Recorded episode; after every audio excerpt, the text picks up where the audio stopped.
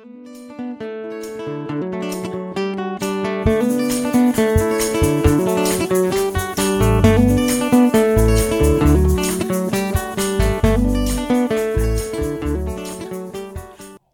är det ju äntligen sommar och många väljer att resa utomlands. Trots vissa larmrapporter om resekaos ute i, på Europas flygplatser, inte minst i Sverige. Många hör av sig till oss och undrar vad de behöver för försäkringen när de ska ut och resa. Det allra viktigaste det är ju att man aldrig reser oförsäkrad. Men det många inte känner till är att man faktiskt har ett reseskydd redan i sin hemförsäkring. Idag tänkte vi i Försäkringspodden reda ut vad som händer, till exempel om man blir sjuk på resmålet, om man vill avboka sin resa eller om man missar flyget på grund av att det är långa köer i säkerhetskontrollen. Jag heter Jenny Sparring och med mig här i studion har jag min kollega Gabriella Hallberg, jurist och reseförsäkringsexpert på byrån. Välkommen tillbaka Gabriella! Tack snälla Jenny! Vad roligt att du är här. Det känns extra bra att du kommer idag därför att jag ska ju själv nu för första gången efter pandemin ge mig ut och resa och känner mig faktiskt jättenervös för det är så himla mycket att tänka på. Inte minst det här med passen som har ställt till en himla massa problem. Alltså. Ja, du och många med dig har ju verkligen blivit drabbade av att det har varit några förseningar att teckna nya pass, så att det förstår jag. Men du har varit ute i ändå god tid, eller hur? Ja, jag var ute i god tid, men det känns ändå som att det hänger på ett, eh, det hänger på ett tunt snöre nu här, att vi ska lyckas komma iväg. Min första ganska stora fråga till dig, det är om man ska åka utomlands i sommar, vad ska man då tänka på när det gäller försäkringar? Man ska ju först titta på vad har man för försäkringsskydd? Och de flesta har ju en hemförsäkring idag och väljer att resa iväg med den hemförsäkringen som ett, skydd, ett tillräckligt skydd på resan. Och i de flesta fall ska jag säga att detta är ju skydd gott nog. Men ibland behöver man komplettera med en separat reseförsäkring för de delar man önskar.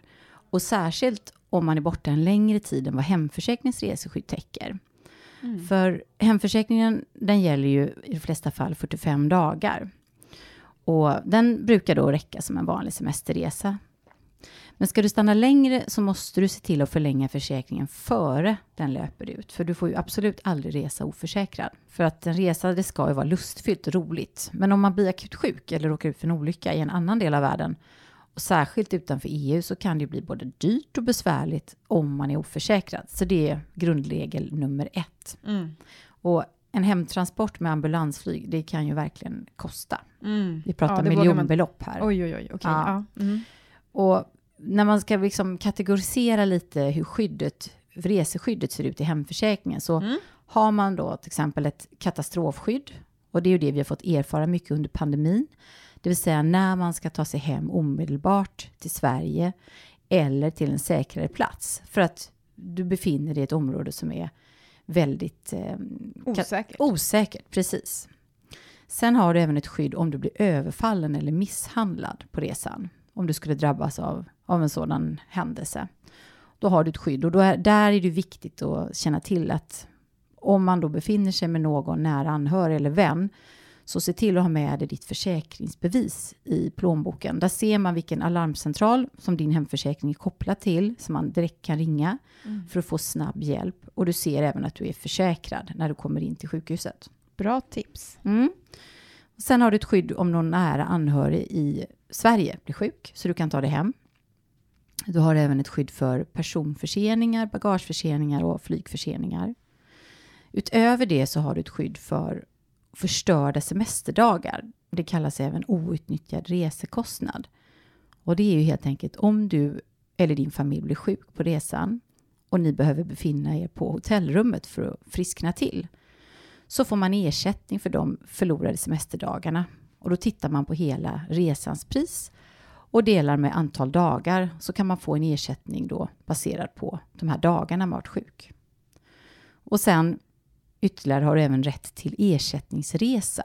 Och det här kräver ju en mer omfattande hemförsäkring för att det här reseskyddet ska bli så pass omfattande. Mm. Och då behöver du ha varit sjuk mer än halva restiden för att kunna få en ny semesterresa. För man anser att den är helt enkelt förbrukad den resan på grund av sjukdom som du hade.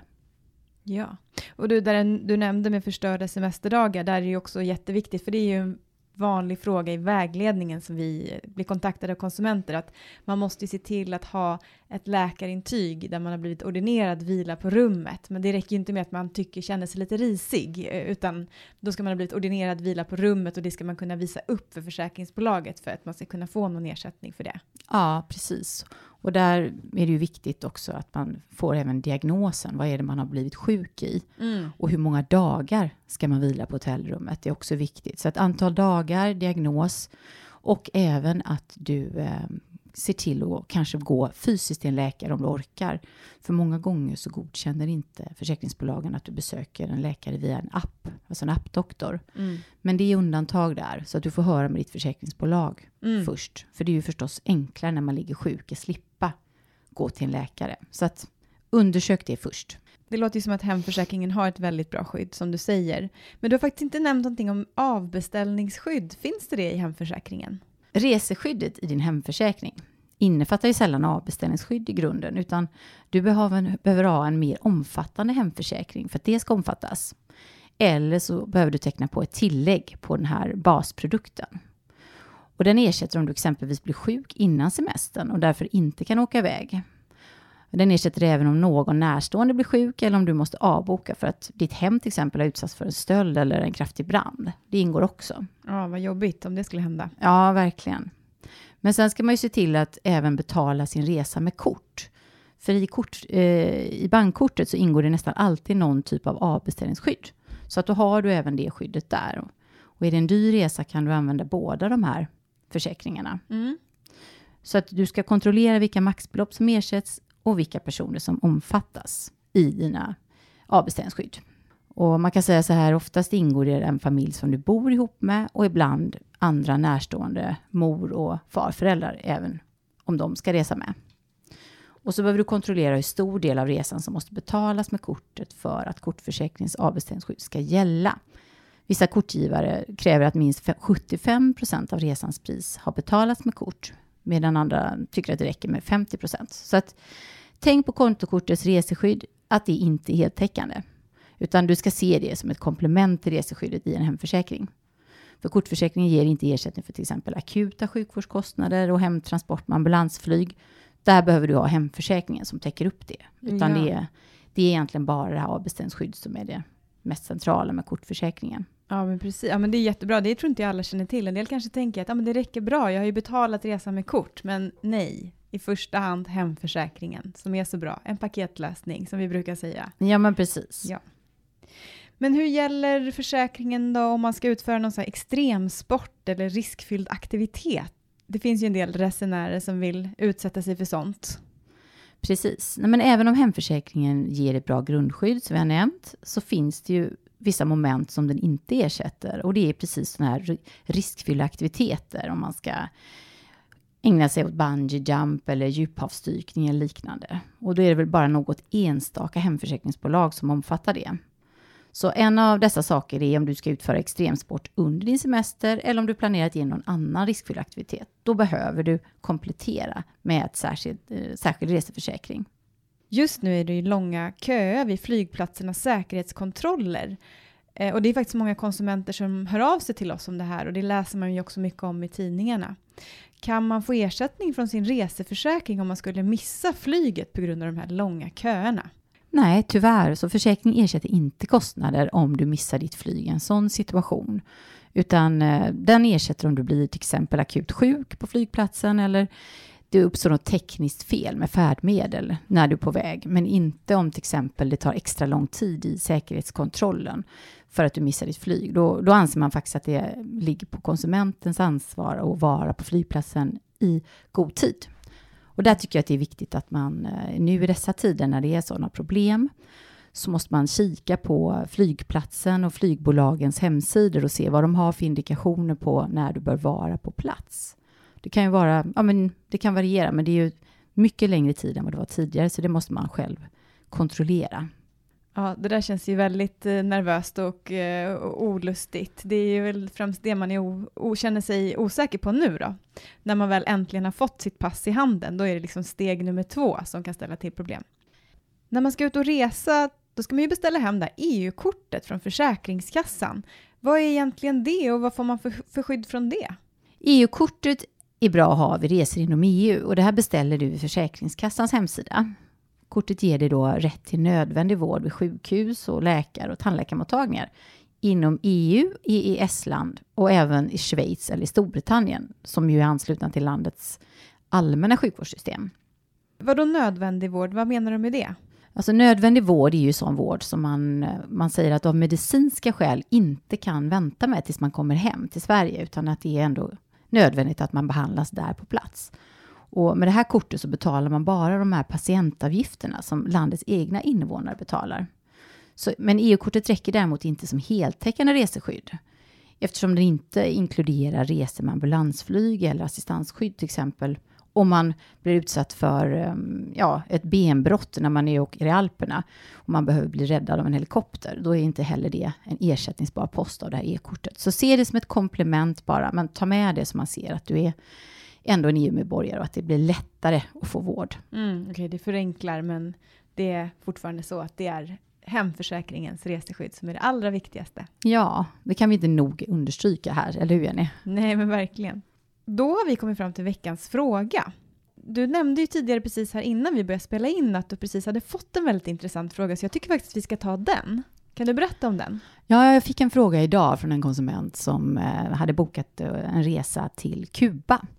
Och sen när han skulle resa iväg så inser han i sista stund att hans pass hade gått ut. Alltså det som vi nämnde här initialt, att mm. många har drabbats av.